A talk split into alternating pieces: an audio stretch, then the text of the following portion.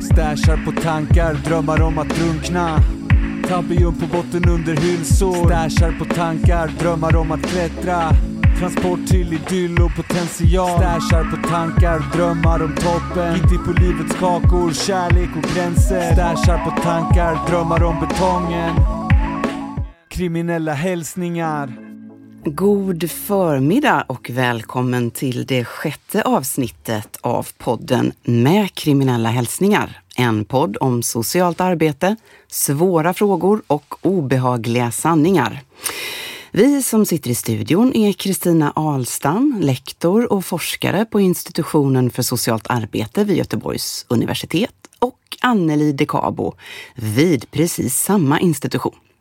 Nu vet vi ju inte om det är förmiddag just när våra fina lyssnare väljer att trycka på play, men det är förmiddag hos oss. Vi har druckit kaffe och tagit varsin snus och är med andra ord så balanserade som vi överhuvudtaget kan bli. Vilket kanske inte säger så mycket. Eller vad säger det egentligen, Anneli?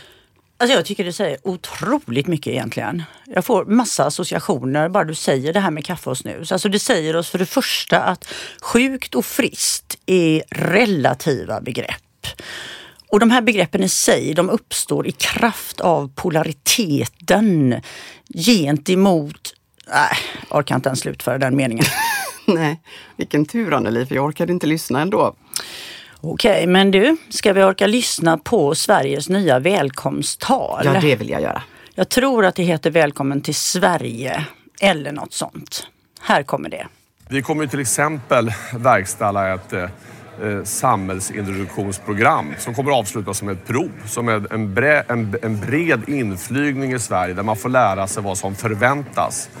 Och det slutar med att välkommen hit, nu lär vi oss svenska, nu lär vi oss hur Sverige fungerar, vi avslutar med ett prov och sen välkommen till Sverige. Gör ditt jobb, sköt dig och bry dig.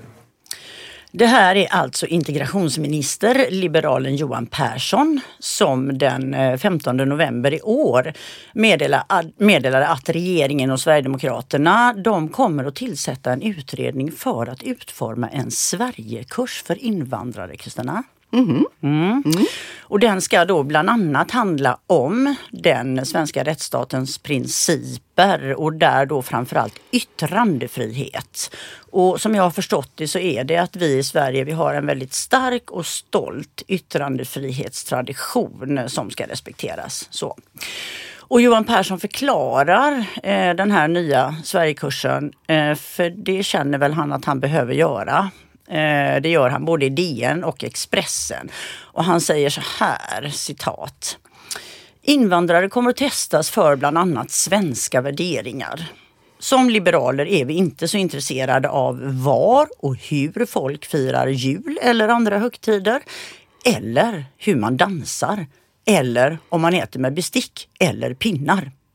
Men när man går någonting, mot någonting som angriper grundlagen eller våra värderingar, då blir det problem. Slutcitat. Jag är ändå, jag är ändå lite ledsen för att det, jag inte kan få genomföra ett test, ett bestick och pinntest. Jag är nämligen väldigt bra på att äta med pinnar.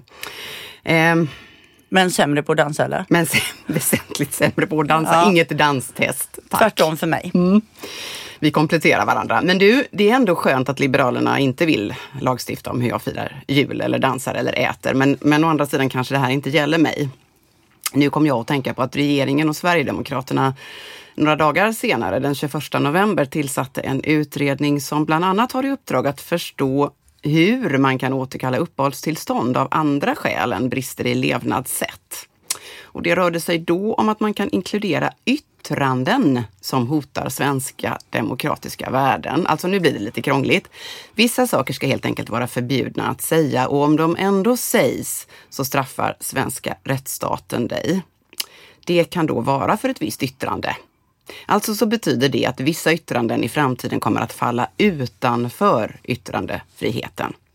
Är det det då som Sverigekursen ska handla om? Förstår du vad jag menar? Och vad är då straffet undrar jag? Alltså jag förstår precis vad du menar och det här ska ju bli en oerhört intressant utredning. Eh, tänker jag. Ja. Mycket. Men så du, eh, straffet handlar om ekonomi. Aha. För den frihetsälskande liberalen Johan Persson, han avslutar intervjun med att säga så här, citat. Nyanlända ska tvingas till bättre kunskaper om det svenska samhället och svenska värderingar. Annars riskerar bidrag och andra ersättningar att dras in. Det är inte bara ett erbjudande, det är ett krav. Att misslyckas kan kosta. Slutcitat, säger integrationsministern. Ja men vad bra, för då är vi ju lite, lite grann inne på dagens avsnitt som ska handla, inte om bidrag och inte om transfereringar. Men på sätt och vis kan man säga att dagens avsnitt åtminstone delvis handlar om pengar, ekonomiska flöden åt vissa håll, kapitalansamlingar och andra spännande saker. Men kanske inte ekonomi just som ekonomi. Nu pratar jag nästan medvetet lite dunkelt här eftersom vår gäst ska få lägga ut texten mer kring de här frågorna så småningom. Men innan vi introducerar vår intressanta gäst så får vi ju inte slarva bort poddens stående inslag som jag ju vet att du ursäkta mig Anneli, har en närmast osund fixering vid. Inslaget som vi har döpt till Vi vill varna känsliga lyssnare. Ska du få dra den kanske så har vi den ur världen. Med största möjliga nöje. So glad you asked. Jo, men i det här avsnittet är det oerhört enkelt. Vi vill helt enkelt varna lyssnare som är känsliga för money, morals and manners i termer av att problematisera en livsstil som faktiskt i grunden bygger på hur mycket pengar du har. För det kommer nämligen vår gäst att göra lite senare. Just det, för i det här avsnittet så ska vi ju prata om något som vid ett första påseende inte har särskilt mycket med socialt arbete att göra. Nämligen makteliter av olika slag. Det är ju inte den vanligaste klientgruppen en socionom ägnar sig åt.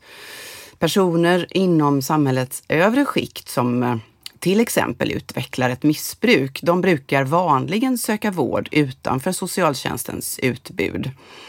Och andelen barnfamiljer som processas av socialtjänstens sektion barn och unga är försvinnande få. Därmed förstås inte sagt att den typen av problem inte finns överallt. Så då frågar sig förstås den uppmärksamma lyssnaren varför vi alls valt att lyfta det här.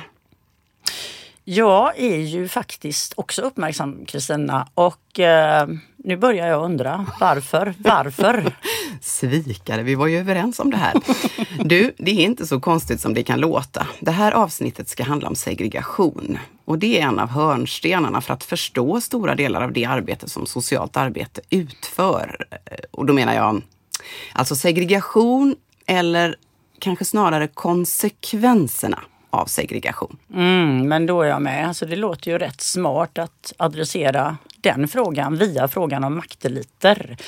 Men jag skulle väl först ändå vilja veta lite mer om vad är segregation? Hur ser vi på segregationer? Eller hur definierar du segregation? Men Anneli, tror du jag är född igår eller? Det ska ju naturligtvis du definiera. Hal som en nål den där rasan som vanligt. Men okej. Okay kanske jag kan skina lite här. Men då kan vi väl ändå säga så här att i grunden så betyder segregation uppdelning och åtskiljande av grupper av olika slag i ett samhälle.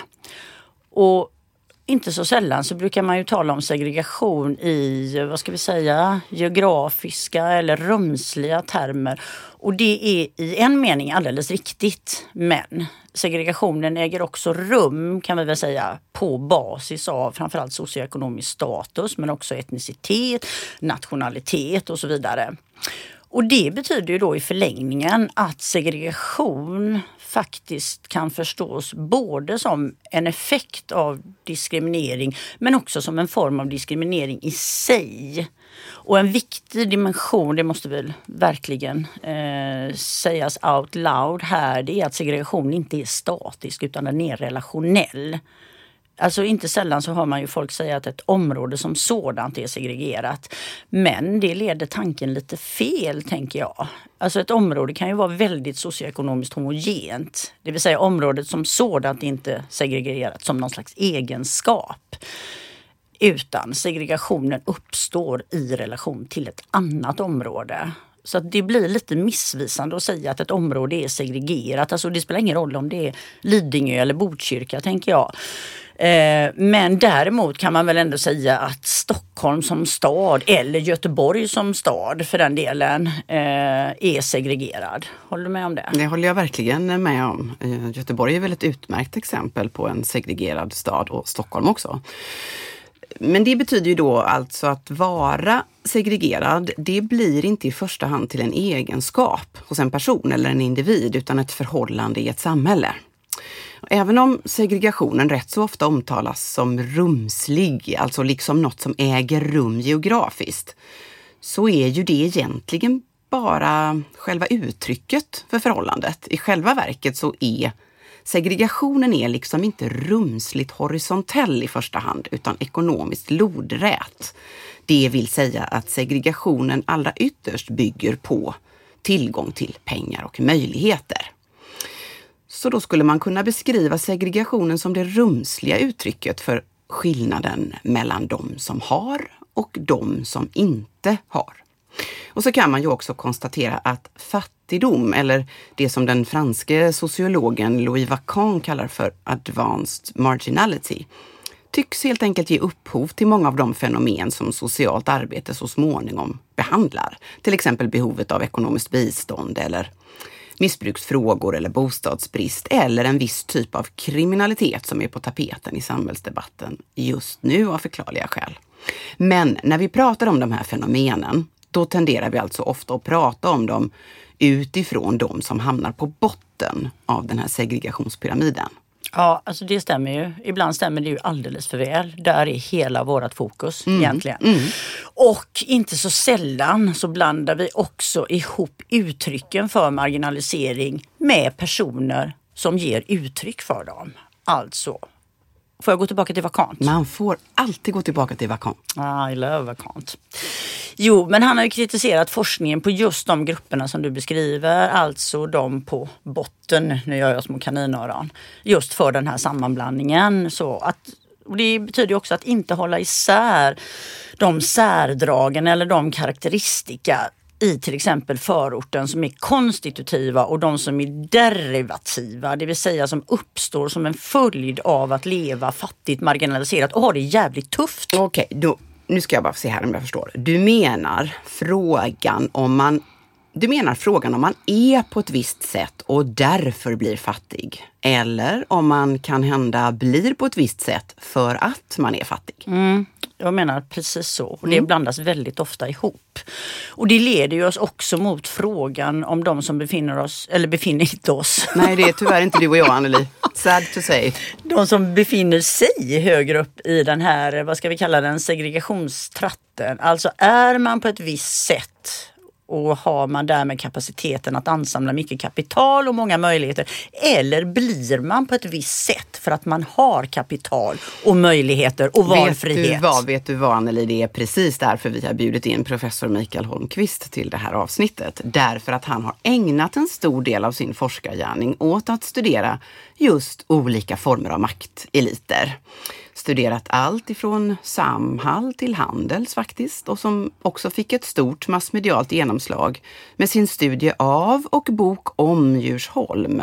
Den bok som bär titeln Djursholm, Sveriges ledarsamhälle och som kom ut 2015. Mm, det har du alldeles rätt i. Men innan vi släpper in vår spännande gäst så borde vi inte nämna bara lite kort om maktelit och kriminalitet. Alltså vi heter ju ändå med kriminella hälsningar. Det gör vi. Och vad är det för typ av kriminalitet vi ser mm. inom detta strata? Mm, det är en bra fråga. Uh, det, det, som är verkligt intressant med brott som begås av de övre skikten, det är väl dels att samhället eller allmänheten inte verkar uppröras fullt lika starkt eller lika länge åtminstone av dem. Och också att den som begått brottet inte alltid ser sig själv som eh, kriminell i den meningen. Det kan till exempel kanske bero på att man inte stöts ut på riktigt samma vis av att ertappas med en kriminell handling, till exempel då av sina affärskontakter. Mm, Okej, okay, du är med. Nu kommer jag att tänka på vad heter de då? Panama Papers var Just. det väl? Mm. Publicerade 2016 tror jag. Eh, och det är väl ändå ett ganska tydligt exempel på den här typen av brottslighet. Alltså jag tror det var drygt 11 miljoner dokument som den här panamanska advokatbyrån Mossack Fonseca hade producerat och som sedan läckte ut. Och det var ju i, om man drar det i korta drag, det var dokument som avslöjade hur prominenta personer på, får vi väl ändå säga, synnerligen höga poster eh, hade, eh, ja, med hjälp av den här advokatbyrån då, eh, så hade de försökt dölja sina tillgångar i skatteparadis och det inkluderade även banker och företag. Så. Och sen mer nyligen i år så har vi ju Uppdrag gransknings avslöjande. Det var ju om en företagare med en liten nätt skatteskuld på 1,6 miljarder som hade dratt iväg till Cypern och placerat, sina eller placerat svenska skattepengar, våra skattepengar, i olika brevlådeföretag. Så det här verkar ju liksom inte ta slut. Och när du pratade förut så kom jag att tänka på att det här är ju ganska bra exempel eftersom de sven den svenska allmänheten, eller folk i allmänhet, samhället, verkar inte alls uppröras lika starkt av skatteflykt. Trots att den är substantiell. Alltså om man jämför med hur upprörd man kan bli av summan på försörjningsstödet. Eller som Johan Persson, han vill dra in dagersättningen på 74 kronor till asylsökande. Trots då att skatteflykt är ett brott medan mottagande av försörjningsstöd inte är ett brott. Och om vi ska försöka oss på en ungefärlig siffra. Vi kollade ju upp det Kristina. Då kan man ju bara kort nämna att EU-kommissionen för några år sedan publicerade en rapport som försökte bedöma storleken på privatpersoners utlandsförmögenhet och hur stort skattebortfallet var i och med detta. Så, och bryter man ner de siffrorna så kan skattebortfallet i Sverige på grund av skatteflykt uppgå till cirka 50 miljarder kronor per år. Och då är det 21 miljarder på grund av företagens vinstöverföringar och 28 miljarder som ett resultat av privatpersoners skatteflykt. Just det. Medan försörjningsstödet kostade Sverige knappt 11 miljarder enligt Socialstyrelsens beräkningar för 2022. Och då som sagt dessutom är lagligt att uppbära. Ja, och här finns ju någonting som är väldigt förvånande. Alltså Panama-affären, den bara försvann. Ja, gjorde den? Ja, det var ju ingen som under någon längre period fick eh, löpa gatlopp och bli skammad för Nej, det. vi var säga. ganska arga men det varade inte så länge. Nej. Mm. Och det är ju inga personer, alltså, de används ju sällan som sedelärande exempel. De löpte inte gatlopp. De löpte inte gatlopp. Men samtidigt så är det ju, eller verkar det ju vara otroligt lätt att piska upp en slags avsky för personer som uppbär lagligt försörjningsstöd. Eh, Eh, och vet du, det här kan ju egentligen förklaras och kanske görs det bäst av den amerikanske sociologen Howard Becker och hans stämplingsteori. Alltså Becker menade ju att ett beteende bara ses som avvikande om det stämplas som det. Om straffsystemet inte reagerar sådär jättestarkt på det du har gjort, eh, då kommer inte du se dig själv som kriminell och allmänheten kommer inte se dig som kriminell. Eller så kanske du hittar sätt att relativisera din handling så att den blir mer förståelig. I, I sitt verk The Rich Get Richer and the Poor Get Prison visar professor emeritus i filosofi Jeffrey Ryman att brott som begås av personer ur lägre samhällsklasser straffas i högre utsträckning. Medan brott begångna av människor från medel eller överklass eh, oftare tenderar att förbises alternativt straffas något mildare av rättssystemet. Alltså, det låter väldigt konstigt. Kan du ge ett exempel på det? Alltså att beteende bara ses som avvikande om det stämplas som det. Du har lite en tendens till läxförhör, eh, Anneli. Jag blir alldeles svettig, men jag, jag vill ju hemskt gärna få godkänt. Så jag ska göra ett försök. Ett exempel på stämpling. Mm, Okej, okej, okej. Eh, Så här, om en, om en man boende någonstans i Sverige Var i Sverige? Okej, vad det är petigt. En man boende i Säffle. Om en man boende i Säffle tvingade sig på sin hustru 1921 och hade sex med henne mot hennes vilja. Jobbar han i kör, eller på körskolan? Alltså de har väl en ganska rätt så känd körskola i Säffle? Ja, du tänker på intensivkurserna. Ja. Jag vet inte det hörru du, därför att jag gick intensivkurs i Strömstad. Jag kan ha varit deras värsta elev någonsin. Jag fick observera hastighet inskrivet i mitt körkort de första fem åren. Så nu har jag mm, bekänt en svaghet. Men nu beskriver jag 1921. Intensivkurser för körkort kan knappast ha varit en lukrativ affärsmöjlighet då. Så att jag återgår till min man boende i Säffle med okänt försörjningssätt får jag väl lägga till då. Okej. Om denne man tvingade sig på sin hustru 1921 och hade sex med henne mot hennes vilja så var det inte någon särskilt underlig eller avvikande handling. Det var troligen ingenting han behövde skämmas väldigt mycket för eftersom handlingen inte var kriminaliserad. Och det betraktades dessutom som en gift makes rätt i kraft av själva äktenskapet. Så kunde inte den här handlingen klassas som våldtäkt. Jag tror också att den här mannen skulle bli genuint förbluffad om han möttes av en sådan anklagelse. Men om vi nu då fortsätter med mannen i Säffle eftersom det verkar vara väldigt noga med den geografiska bestämningen här. Om en man i Säffle tvingar sig på sin hustru 2021 så löper han en väldigt mycket större risk att anmälas för våldtäkt och att skammas. Eftersom brottet våldtäkt så ser vi faktiskt allvarligare på idag, även när det sker inom äktenskapet. Sen kan man förstås diskutera vad som händer efter att anmälan är gjord, men det är delvis en annan diskussion som vi ska återkomma till i ett helt annat avsnitt. Eftersom vi är så förutseende, Anneli. Men min poäng är att om han inte löpte någon särdeles stor risk att bli socialt utskämd 1921 så löper han större risk 2021. Det vill säga, beteendet ses som avvikande för att det stämplas på det sättet. Ja men okej, då tror jag att jag är med. Och det betyder ju också på något sätt att det som vi har beskrivit på sätt och vis hänger ihop. Alltså själva segregationen som i sig själv är grogrund för olika former av kriminalitet. Den påverkas då enligt ditt resonemang av olika former av stämplingsbeteende. Eller hur? Ja. Men idag då så ska vi ju för en gångs skull inte rikta blicken mot de som har hamnat i de lägre stratan utan istället försöka oss på en inblick i ett väsentligt högre strata kan vi säga. Och vi ska också prata mer om de aktiva, aktiviteter man eh, är tvungen att genomföra där kan man väl ändå säga för att hålla sig kvar och i någon mening säkerställa sin position. Det verkar ju ändå vara en återkommande, ett återkommande formande på något sätt. Mm. Och det betyder att vi äntligen är framme eh, och eh, varmt vill välkomna vår gäst professor Mikael Holmqvist. Vi är väldigt glada att du vill medverka i podden. Eh, men innan vi närmar oss våra frågor Mikael, skulle du vilja introducera dig själv lite närmare? Vem är du och vad gör du? Ja, jag är professor i företagsekonomi på Stockholms universitet. Jag är också docent i sociologi. Och eh, Eh, jag har ju brett studerat, eh, kan man säga, arbete, organisation, makt under eh, ett antal år utifrån olika perspektiv.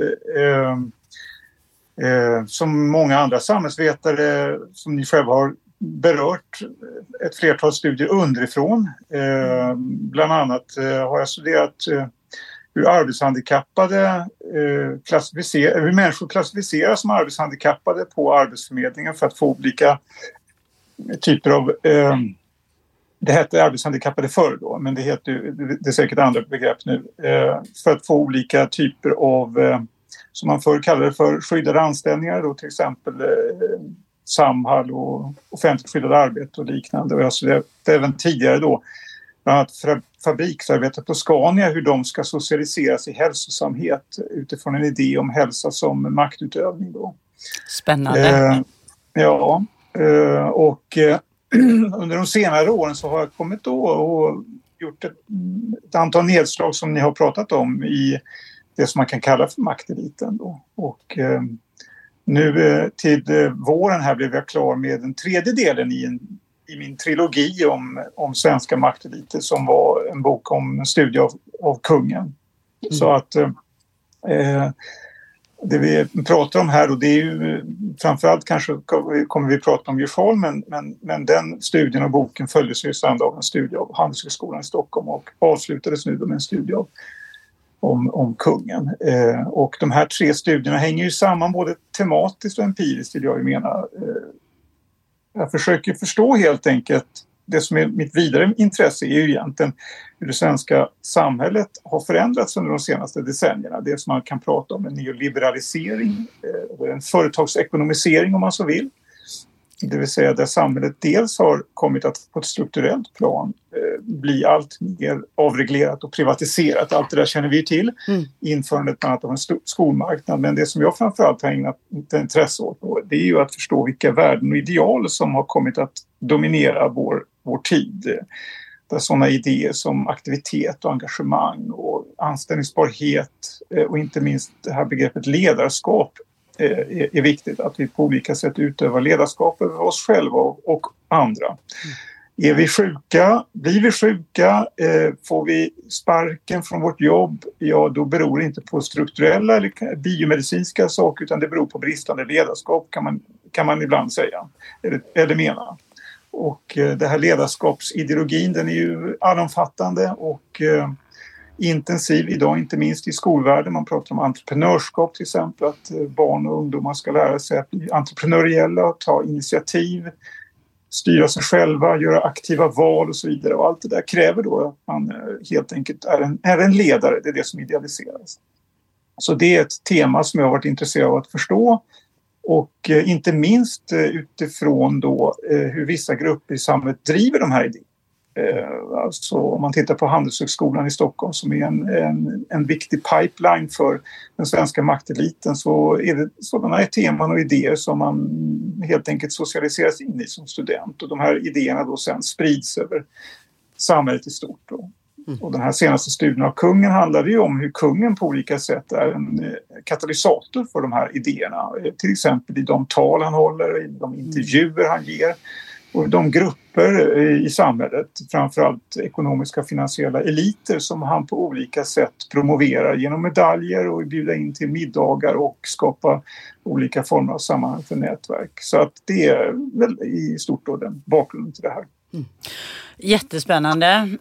Um, jag skulle vilja gå direkt på um, en artikel från 2023, Mikael, som du tillsammans med en kollega har skrivit som heter Allied Communities and Polarization in Neoliberal Society. Consecration in Australia and Swedens Wealthy Neighborhoods. För det som är väldigt intressant i den artikeln, det finns mycket som är intressant, men det är att ni vänder på steken på ett intressant sätt och säger i princip att det är elit och ledarskapssamhällen som reproducerar polariseringen. Och ni säger också, eh, går till och med så långt att säga att det är ett misstag att tro att det är fattigdom, arbetslöshet och kriminaliteten som orsakar segregationen. Hur ska vi för, förstå det här? Alltså på vilket vis driver elit och ledarskapssamhällen den här utvecklingen? Ja, om man, om man tar eh, exklusiva bostadsorter eller exklusiva boendeområden så är det väl uppenbart, eh, kan jag tycka. Eh, de har blivit allt svårare för normalinkomsttagare, eller för all del låginkomsttagare, att flytta till. Och man, det, det finns förhållandevis ofta lite hyresrätter i de här områdena. Man kan ha en uttalad policy Eh, från kommunens sida att, att eh, inte expandera utan man vill bevara eh, sin unika trädgårdsstad eh, och man vill inte ha en viss typ av eh, eh, boendetyper, framförallt då flerbostadshus och, och hyreshus. Utan i den mån man bygger ut så är det framförallt då eh, villor eller bostadsrätter. Och det är klart att ett område som Djursholm eller Saltsjöbaden utanför Stockholm och säkerligen ett antal områden både i centrala Göteborg och utanför Göteborg e är ju områden som är väldigt ekonomiskt svåra att ta sig in i idag för många. Och det förstärks ju bara. Det här leder ju bara om man ser en utveckling under de senaste 20 åren så har ju det här bara förstärkts. Då. Det har bara blivit ännu dyrare i de här områdena och det är ännu svårare för andra mycket förmögna att bosätta sig där. Så att det är väl ett, ett uppenbart exempel på mm. detta, hur, hur eh, de finansiella och ekonomiska eliterna i kraft av sin rikedom driver en, en boendesegregation. Mm. Mm. Det är jätteintressant för det är ju sällan man vänder på steken på det sättet som ni gör när man talar om segregationen. Nej, men det är väl så att mycket av urbansociologin har ju varit fokuserad på det som vi kan kalla för utsatta områden, alltså fattiga områden. Och det ju, gäller ju även internationellt. Eh, och eh, då, då, blir, då blir ju inte analysen eh, komplett, tror jag. Jag tror inte man kan säga att, att eh, de exklusiva bostadsområdena en, enbart är de som driver en boendesegregation. Eh, men, men att bara se på så kallade utanförskapsområden, ja det ger en, en, en, en skev bild. Mm. Mm. Eh, i, I det sammanhanget så måste man ju nästan tala om, om din bok eh, Djursholm. Eh, dels fick den ju ett stort eh, genomslag. Eh, och, och, det är ju kanske inte så konstigt med tanke på att du här närmade dig ett område som det finns väldigt mycket föreställningar om och säkert fördomar om. Men också som sagt var för att eh, vi är inte så vana alltid som forskare vid att nå ut. Men den här boken uppfattar vi nådde verkligen ut. Och ett viktigt begrepp för den här bokens analys av Djursholm, det är ju begreppet konsekration, som ungefärligen kan tänkas översättas med att göra någon helig. Skulle du kunna beskriva lite grann för lyssnaren hur det här heliggörandet går till i Djursholm. Vad är det så att säga som man måste lära sig som djursholmare eller träna sig till att bemästra som djursholmare för att den här heligheten ska kunna uppstå? Ja, heligheten uppstår ju i mötet med omgivningen i hög grad. Eh, det är vi andra som uppfattar Djursholm som någonting nästan ouppnåeligt. Eh, och eh, när man kommer till Djursholm så möts man av en värld som är väldigt annorlunda i så mått att husen är mycket, mycket stora och eh, tomterna är mycket stora.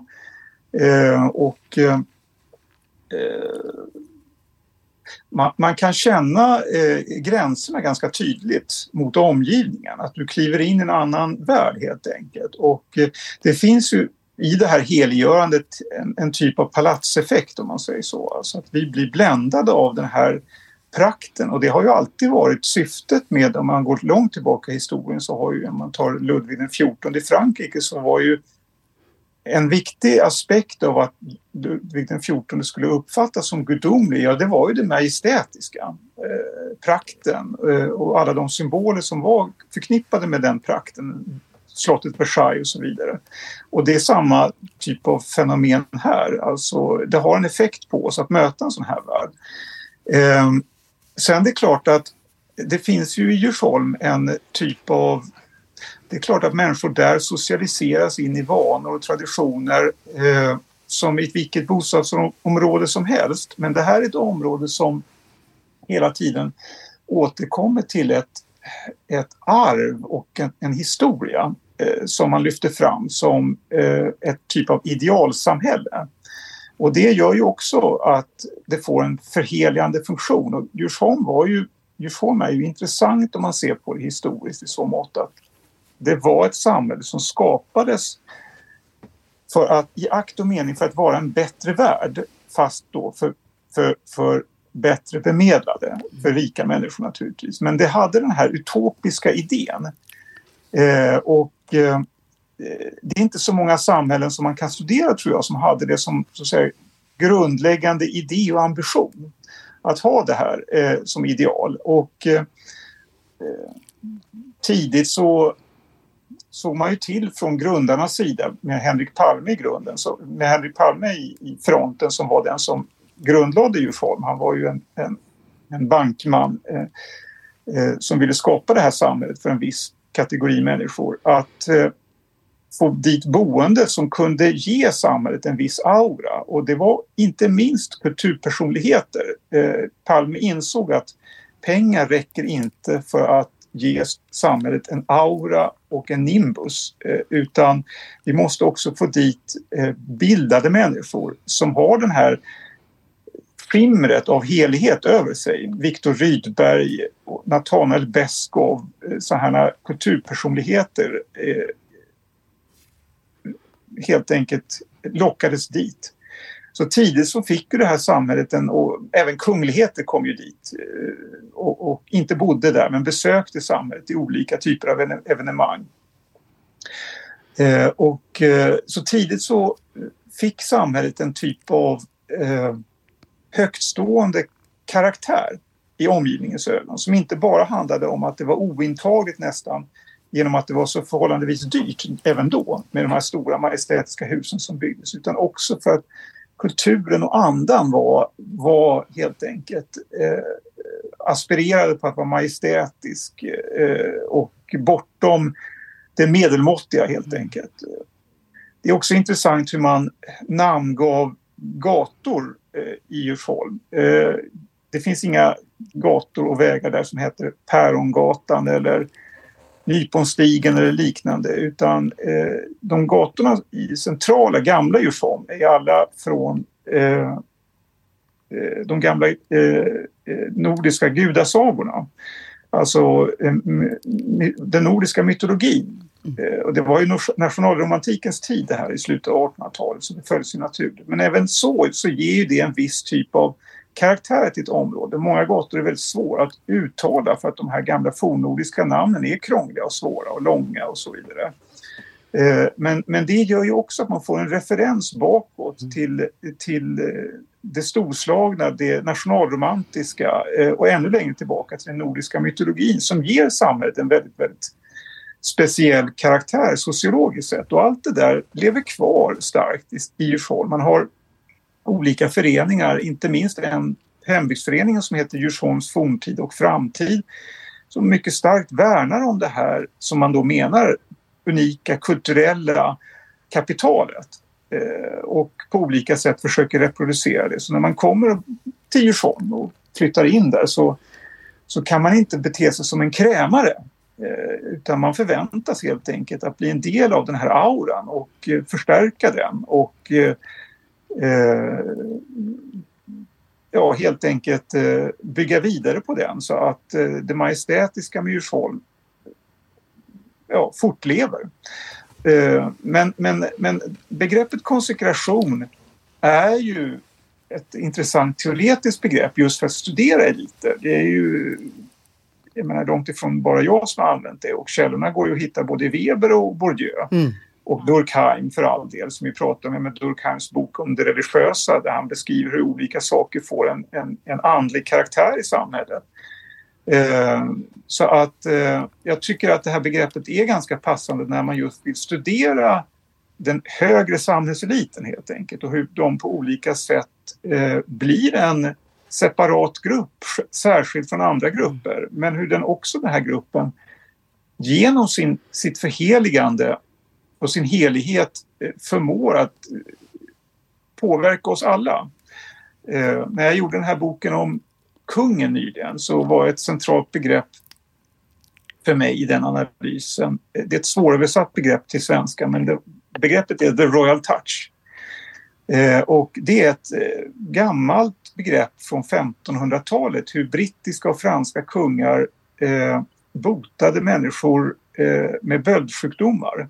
Det var framförallt skråfula. Eh, den, den, sjukdomen heter på engelska The King's Evil och eh, man, man flockades till hoven och kungarna lade sina händer på de böldsmittade och de sades då botas. Och just skråfula är en sjukdom som, man, som självläker så det var ju praktiskt att säga att, för kungen att, att, att, att, man blev faktiskt botad efter det här besöket. Ja. Eh, men, men det här The Royal Touch då, det är också ett förheligande. Det vill ju manifestera kungars att de stod i förbund med mm. Gud. Genom att ta på eh, de här kropparna så var det som att Gud gjorde det via kungen. Mm. Och det här begreppet använder jag idag för att studera hur vår kung Karl XVI Gustav både bokstavligt och bildligt tar på folk och förheligar vissa grupper. Mm. Till exempel de ekonomiska och finansiella eliterna får de främsta kungliga medaljerna. Mm. Och det är ett sätt för kungen eh, att förheliga dem helt enkelt. Eh, så att det här med det, det förheligande och det, det konsekrerande är ju inte bara förknippat till, till en sån miljö som Djursholm utan eh, finns på många olika ställen i samhället. Mm. Men det är viktigt för helt enkelt för att förstå den, den, den makt och den status och det inflytande som de här grupperna får. Mm. Och de här grupperna får ju till exempel det inflytandet genom att vi forskare är så rädda att studera dem. Jag menar, det är ju förbluffande få samhällsforskare som studerar samhällseliter och det tror jag har att göra med att vi känner oss ganska obekväma inför de här grupperna. Vi är osäkra på hur vi ska bemöta dem, vi är osäkra på eh, hur vi ska ta kontakt och så vidare. Vi är mer vana att studera arbetslösa och fattiga och kriminella för där har vi ett företag, övertag. Det, det är vi som har tillgången till språket och, och statusen. Där är vi de uppenbara eliterna. Mm. Men, eh, så det här gör ju... Mm. En, en, fråga i anslutning till det, för det stämmer ju alldeles utmärkt väl det du säger, att vi forskar på personer som kanske har det väsentligt svårare än vad vi själva som regel har och så är vi ovana att rikta blickarna uppåt. Men hur blev du mottagen när du genomförde empiriinsamling inför, inför boken om Djursholm? Hur såg man på dig? Hur förstod man ditt ärende? Eh, jag, jag, tror att man eh, jag, jag övergav ju ganska snabbt idén om att presentera den här studien som en, en studie av ett överklassamhälle eller ett elitsamhälle. Utan jag använde mig av begreppet ledarsamhälle. Och det här begreppet ledarsamhälle, eh, eh, det var inte, ba, det var, det var inte eh, någon slags trick för att ta mig in utan det var det begrepp som jag tyckte bäst stämde överens med de preliminära observationer jag hade gjort. Och dels för att Djursholm är ett samhälle där det bor eh, väldigt många företagsledare och andra ledare som har den formella positionen. Men Djursholm är också ett samhälle som påverkar oss alla. Alltså, de här idealen och idéerna som är så viktiga i Djursholm idag, till exempel att vara en aktiv, energisk och hälsosam person. Det är ideal och värderingar som har spridits i samhället i stort. Och de här grupperna är, är viktiga katalysatorer för det. Så att när jag presenterade den här studien som en, som en studie av Djursholm som ett ledarsamhälle, då tror jag att man spontant upplevde att det var en rättvis beskrivning. Mm. Jag gick ju inte in närmare på vilka teoretiska idéer jag hade bakom det utan begreppet ledarsamhälle det kändes intuitivt rimligt och bra för dem. Till och med riktigt bra. Eh, alltså man ser på sig själv som ledare och man vill gärna se på Djursholm som en förebild, som en typ av role model. Mm. Ett idealsamhälle, återigen. Jag tror också att det hade betydelse att jag är eh, till företagsekonom. Eh, alltså eh, företagsekonomi uppfattas generellt av de ekonomiska och finansiella eliterna, tror jag, i den mån man ha, överhuvudtaget har en uppfattning om vad akademi är, som ett vänligt sinnat ämne. Mm. Eh, till skillnad mot socialt arbete eller sociologi som kan, vara, som kan ha en mer utpräglad kritisk eh, och eh, snedstreck socialist alltså socialt arbete, sociologi. Det, det, är nästan så att man säger socialist. det är nära eh, ögat. Det är nära ögat. Det är lätt att det blir fel, så att säga, i en slip of tongue. Så, att säga. Eh, så att jag tror att de, jag tror att man därvidlag har, har det, eh, är, har det förhåll, förhållandevis lättare som företagsekonom att ta sig in i de här, just i de här miljöerna. Sen är det inte säkert att jag som företagsekonom med lika stor lätthet hade kunnat göra en studie av Svenska Akademin till exempel. Där hade man kanske istället tyckt att en företagsekonom måste ju vara en fyrkantig jäkel mm. som bara förstår sig på siffror och ingenting om kultur. Mm. Så att, så att eh, det, det, det, är inte som så att företagsekonomi är någon trollformel för att göra studier av eliter generellt. Men just för den här gruppen så tror jag det underlättar. Mm. Eh, sen hade jag, eh, sen, sen så, precis som Bourdieu pratar mycket om, alltså man har ju sitt habitus. Eh, man har sina dispositioner och man är den man är. Och eh, jag kommer själv från en medelklass, övre medelklassbakgrund. Eh, och i, uppvuxen i Sigtuna och jag gick på Sigtunaskolan fast som dagelev. När, när vi Sigtuna-barn växte upp där så fanns det ingen kommunal gymnasieskola i Sigtuna utan kommunen köpte plats till oss på den privata Sigtunaskolan. Eh, det gör, man, det gör man fortfarande. Eh, och eh, det gjorde att jag kom in i en miljö som... ja, det, jag, jag, tror jag lärde mig en del av koder där helt enkelt. som, som, som jag hade nytta av i, i Djursholm. Inte som så att jag behövde spela teater utan de blev, hade nog blivit en del av min karaktär då. Mm. Så att jag tror att både liksom den professionella ämnestillhörigheten men också mitt privata jag har spelat roll. Men då brukar jag säga till sociologer då, som börjar skruva på sig och som har en vänsterbakgrund en arbetarbakgrund, för det är det typiska tycker man då. Liksom. Att då kan inte jag göra en studie av, av, av de här grupperna för jag har inte de här koderna och så vidare. Men, men eh, mina, några av mina favoritförfattare som har gjort studier av, av eliter det är ju Michel och Monique Pinson i Frankrike. Tyvärr finns de inte så mycket på engelska men det, men, men det finns några skrifter på engelska. Eh, men för den som läser franska så finns det mycket att hämta. Och de har gjort fantastiskt fina etnografiska studier av den franska högborgerligheten eh, i och utanför Paris. Och då pratar vi om, där pratar vi om elit. Mm. Det är ointagliga rum kan man säga och vi pratar om en, en klass som knappast finns i Sverige, ännu i alla fall. Och de här sociologerna, de är uttalat eh, marxister och trotskister. De är politiskt aktiva mm. eh, och eh, har nog som mål att eh, överklassen ska liksom schavoteras igen. Eh, försvinna från jordens yta. Eh, och de kommer båda från arbetarklasshem. Och beskriver öppet hur svårt de har att finna sig till rätta i de här miljöerna. Men de har blivit, upp, de har blivit välkomnade med stora famnen i de här miljöerna. Och vad kan det då bero på? Jo, eliter vill ha uppmärksamhet mm. och de vill ha credibility. Och vi i akademin kan faktiskt ge dem den konsekrationen. Mm.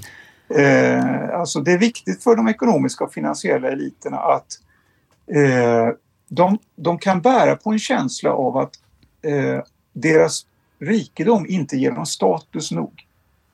Eh, utan de, och då kan så att säga en akademisk studie, en akademisk beskrivning ge dem den där ytterligare statusen.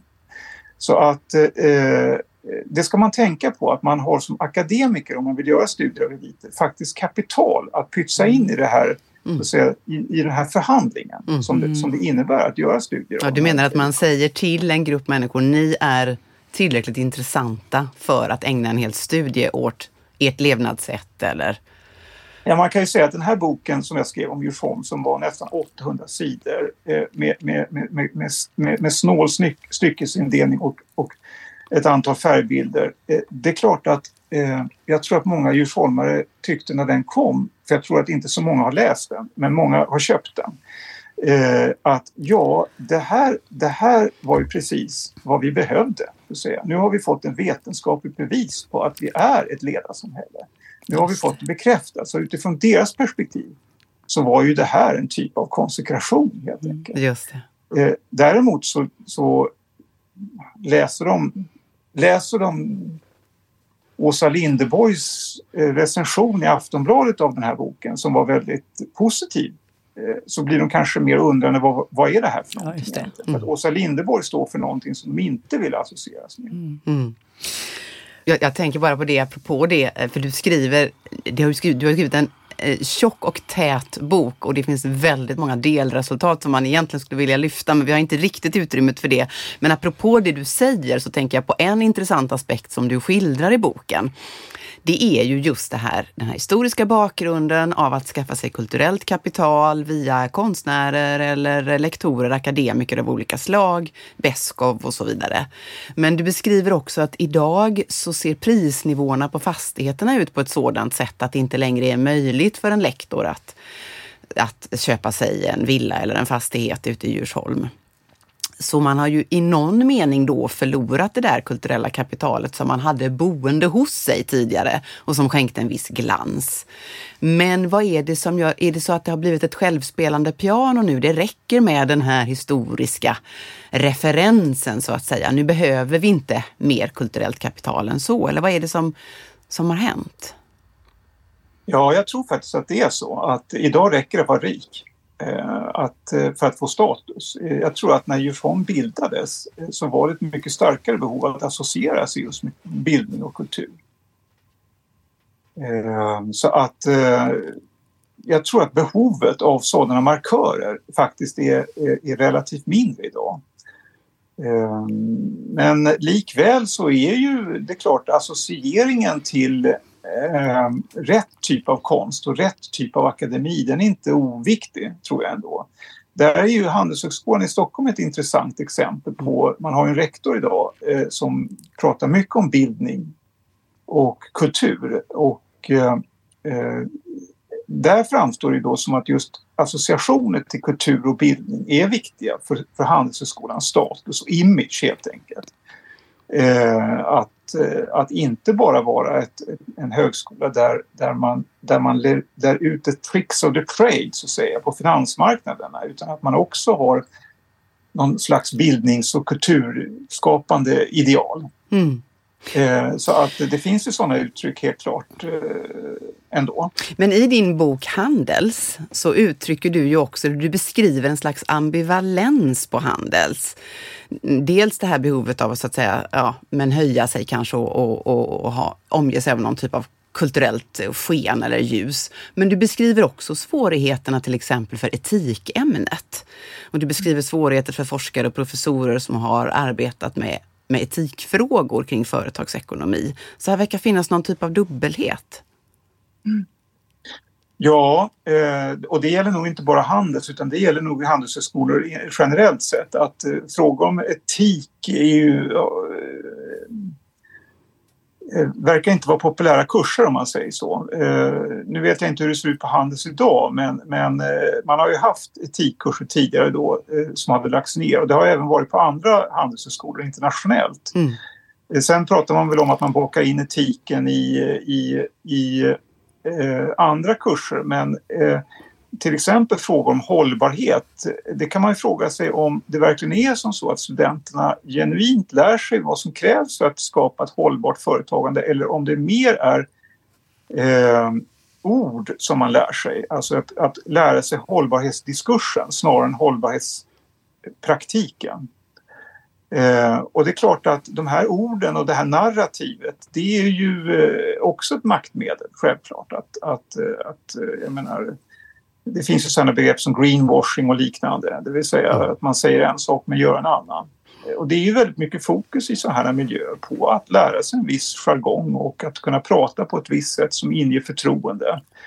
Eh, så att visst, så, så kan det mycket väl vara. Mm tänkte på det här med, jag skulle vilja gå tillbaka lite grann till det här med olika kapitalformer och frågan gäller egentligen analysverktyg. Men jag skulle ändå vilja kommentera, eh, du sa här, nu räcker det att man har pengar, sa du Mikael, som en typ av kapitalform. Är det fråga om någon slags vulgarisering? Skulle man kunna tänka det så?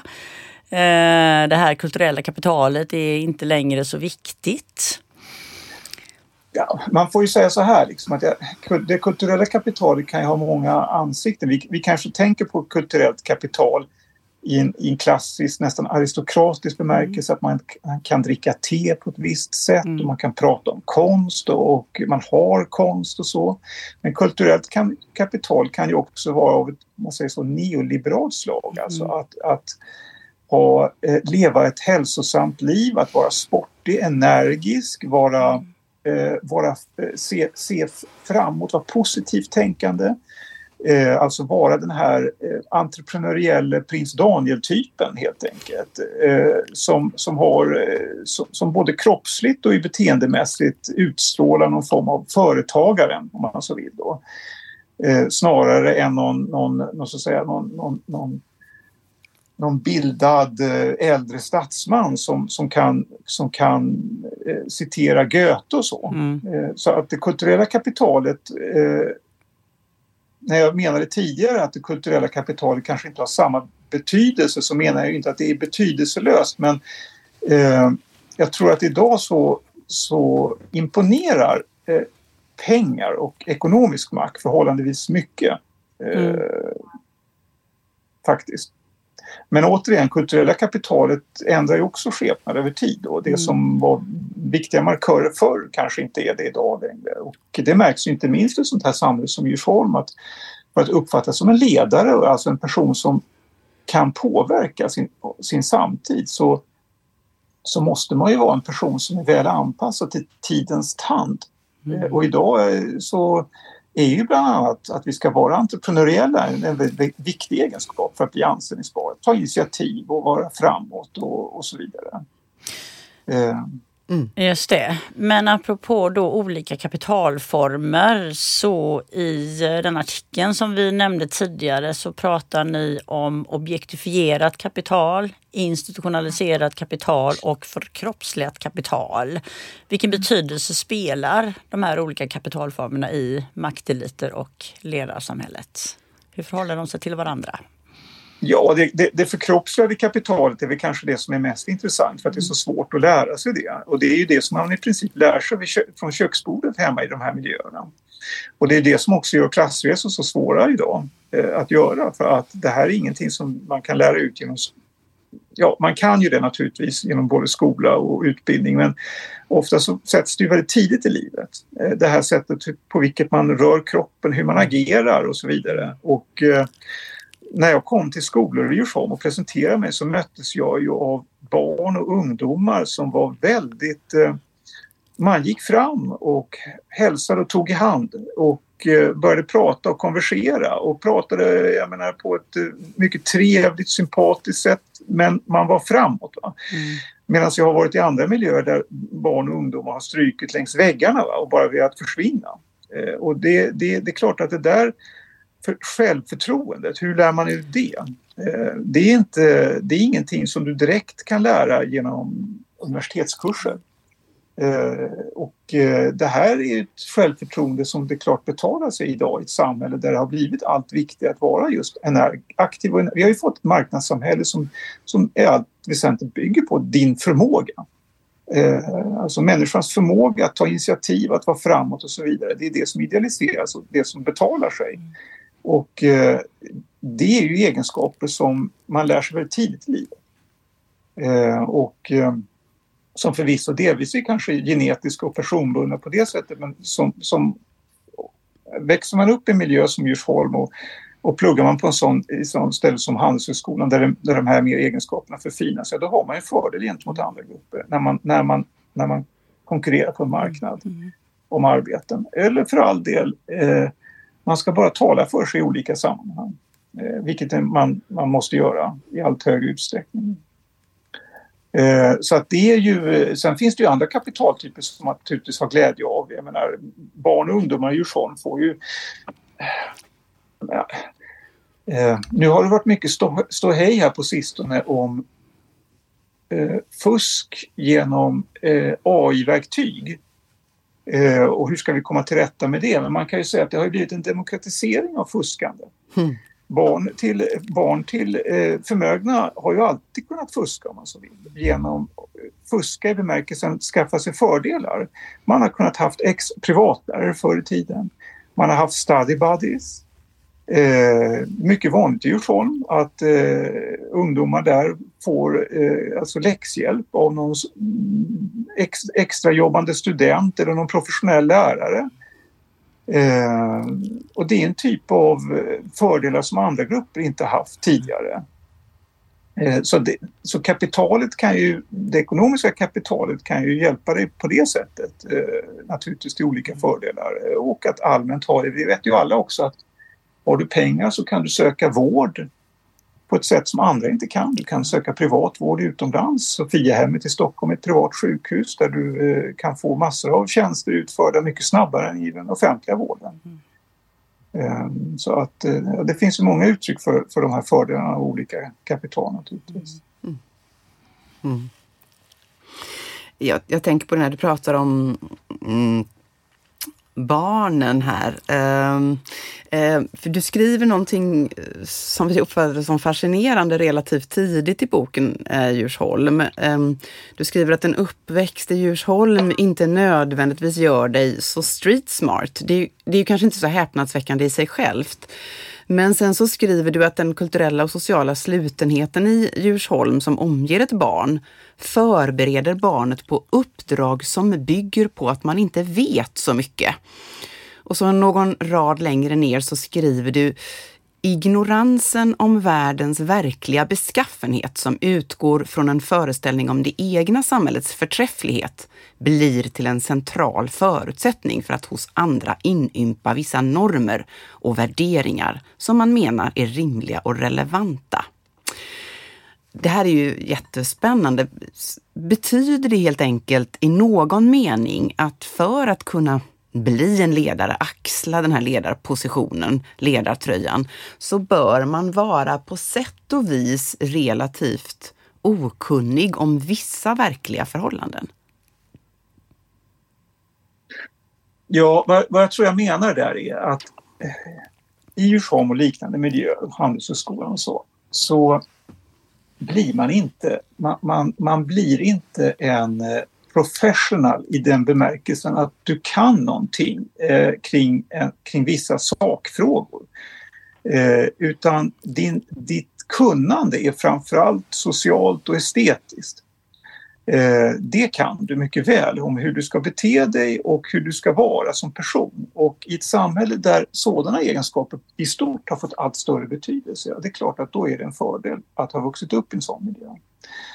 Eh, jag ska ta ett exempel här. När jag var eh, student i mitten av, i början av 90-talet eh, så, så pluggade jag ett tag i Paris eh, på en handelshögskola som var en så kallad Grande École. Det vill säga en fransk elitskola. Det var väldigt svårt att komma in på de här skolorna.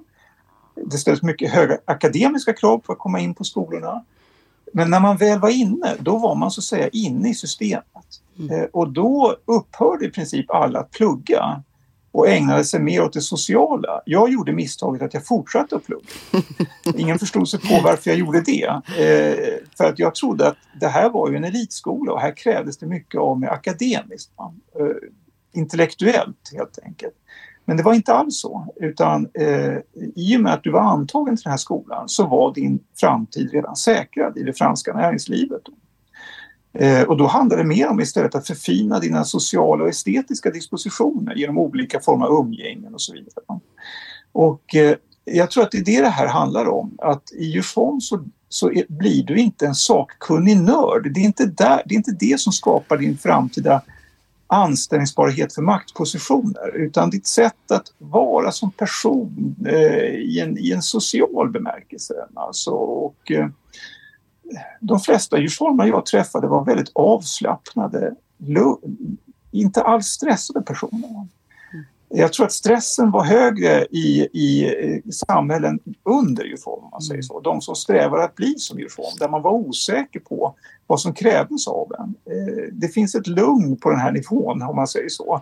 Därför att man har nått på något sätt toppen. Man vet att man är hemma i, i den övre makteliten. Man behöver inte stressa runt kring detaljer. Och det gör att man eh, kan fokusera på att se skogen för alla träd helt enkelt. Och det här finns det också fina studier av amerikanska studenter på amerikanska elitskolor som, där man just vittnar om att eh, studenter som kommer från mindre prestigefyllda amerikanska colleges, de måste i mycket högre grad redovisa sina akademiska betyg och kurser för arbetsgivare. Och det ska vara höga betyg för att komma i fråga. Medan för de, hö, för de, för de främsta elitskolorna så, så, tittar man inte ens på betygen. Man är ointresserad av vilka kurser du har, du har gått. Utan man är intresserad av vem, vem, du är som person. För att, att du har gått på den här skolan det betyder att du är en bra människa. Så att jag tror att det är det jag menar med det här citatet. Alltså att det, är inte, det är inte de faktiska intellektuella kunskaperna huruvida man är, kan någonting i en, i en, liksom en konkret bemärkelse som är det som är det viktiga i en sån här miljö. Mm. Det är ju väldigt spännande och jag tänker det här lugnet som du beskriver Mikael, jag känner att där lever man ju betydligt mycket längre. jo, det andra man, har ju, man har ju högst medellivslängd i djurform. Precis. Men du om vi bara uppehåller oss, uppehåller oss lite mer vid barnens akademiska prestationer så i, i artikeln som du och kollegan skriver så pratade lite grann om när barnens akademiska prestationer misslyckas. Och det om vi förstår det rätt, det blir ändå en ganska stor grej av det. Alltså det, blir en, det blir en misskreditering, inte bara av individen, familjen, släkten utan också något som kanske riskerar att spilla över på hela området. Um, och då kommer vi att tänka på eh, diskussioner om liknande fenomen, alltså hederskulturer, alltså att man på något sätt är inne och tassar på värden eh, genom att misslyckas helt enkelt. Alltså skulle du hålla med om det? Är det? Går det att dra den typen av paralleller? Att man har ansvar för att förvalta och förfina någonting som man inte som inte är ens eget. Liksom. Finns jo, det någon absolut. slags heder i elitsamhällen? Mm. Jo då, absolut finns det det. Jag menar, Djursholm är också en förort och här finns en uttalad hederskultur. Eh, och, men den är av en annat slag naturligtvis än det som vi normalt förknippar med hederskultur. Och eh, eh, i ett sånt här samhälle som Djursholm så är eh, eh alltså, eh, vad säger man, normalitet, eh, vad som är normalt, den är ganska snäv. Eh, det finns inte så mycket utrymme för eh, annat beteende än det som anses vara normalt och det är ganska snävt. Så att allting som faller utanför det riskerar att bli ett hot mot Eh, det som är då det normala i djurform. Eh, och eh, kulturen är tämligen homogen och det har att göra med att de flesta människor som bor där idag bo, arbetar och verkar i ungefär samma branscher. Eh, och man har samma typ av drivkrafter. Eh, så att eh, jag menar, det här är ett samhälle som, är, som, som inte har låginkomsttagare eller medelinkomsttagare och det finns inga det finns, ju, det finns ju inga professionella akademiker sådana som vi som bor i Djursholm, mer än kanske någon som har ärvt sitt hus där och så vidare. Det, det är klart att det finns en och annan, och, eller, eller för all del konstnärer eh, och skådespelare, det är klart det finns sådana också, men, men det är inte som så att det är ett samhälle som där, där sådana grupper idag flockas, utan det är en väldigt homogen grupp av människor. Men det gäller ju alla samhällen som är homogen. Jag förmodar att, den, att, att, eh, att om du har eh, alltså sam, samhällen, eh, nu låter jag fördomsfull här men jag har ändå arbetat Tomelilla faktiskt eh, under ett halvår eh, för många år sedan så jag är inte helt fördomsfull men ett samhälle som Tomelilla på Österlen eller andra samhällen på Österlen som är lite geografiskt eh, isolerade. Det är klart att de eh, har också sin speciella karaktär, också en viss intolerans för, för det avvikande. Så att eh, eh, det är klart att människor som avviker från den normen, de, de blir ett hot mm. eh, även i Djursholm. Eh, och det kan ju till exempel vara barn som inte lyckas i skolan eh, och som framstår som, som ja, misslyckade cases helt enkelt. Och då sätter man in olika åtgärder för att de ska lyckas. Mm. Som man kanske inte har resurser till på andra, i andra miljöer. Mm. Och eh, Eh, det får inte bli... Djursholm får inte präglas av skandaler. Om du, om, du får inte... Om du, om du som kvinna eh, skiljer dig i Djursholm så... Och, eh, ofta, Djursholm är ju det mest ojämlika samhället sett, eh, sett till inkomst mellan kön i Sverige. Och eh, sannolikheten att du hamnar så att säga, på gatan som kvinna är mycket högre än att mannen gör det. Men, men, men du får inte ställa till en skandal kring det. För då, då, riskerar du att även dina närmsta vänner vänder sig mm. emot dig. Utan det är viktigt att den här auran upprätthålls helt enkelt av det, av det harmoniska och det välfungerande djurformen. Mm. Det verkar också som att när man stöter på det som man uppfattar är avvikande så är man ganska skicklig på att hålla ett straight face. Du beskriver just bland annat en kvinna som berättar, hon försöker berätta för sina kontakter i Djursholm att hon har levt med en man som har haft ett eh, problematiskt alkoholbruk i många år. Och, och, hon har lite svårt att nå fram med den informationen. Man vill inte riktigt höra det. Och du beskriver också en annan ganska talande situation. Jag minns inte om du får den återgiven dig, men det är en man som kanske möjligen är på väg in mot en demenssjukdom som är ute och går oklanderligt klädd på överkroppen, men han har ingenting på underkroppen och han bara passerar. Alltså det är ingen som vänder sig om. Och du konstaterar att i andra områden så hade man kanske höjt på ögonbrynen, fniss och skratt, alternativt att någon hade gått fram och försökt hjälpa till. Men här är det som att ingenting har hänt. Mm. Är man extra skicklig här på att hålla det här, the stiff upper lip eller the straight face? För att man har ja, något att vinna på det jag, så att säga. Jag, jag, tror, jag tror generellt sett att i sådana miljöer så har man tränats på självdisciplin på olika sätt. Eh, och eh, det kan ju ta olika uttryck. Det kan till exempel ta ett uttryck till en osund inställning till mat. Och man kan ju se väldigt många sm väldigt smala personer i form, eh, som ser nästan anorektiska ut, och inte minst kvinnor. Det var, det var, man ser helt enkelt spjäker sin kropp för att ha den här smala och, och vältränade kroppen tror man. Och, eh, så att självdisciplin och självstyrning är, är viktiga aspekter och det kan ju ta sig så här uttryck till exempel att man inte öppet kommentera saker och ting som, kan, som, som i andra miljöer kan leda till liksom, eh, att folk vänder sig om och skrattar eller skriker saker. Så. Överhuvudtaget så är det ju, är det ju ett samhälle där, som är mm, eh, alltså, folk kommenterar ju inte på, på gator och torg eh, saker och ting öppet och kritiskt och sådana saker. Däremot så pratas det naturligtvis om det ändå.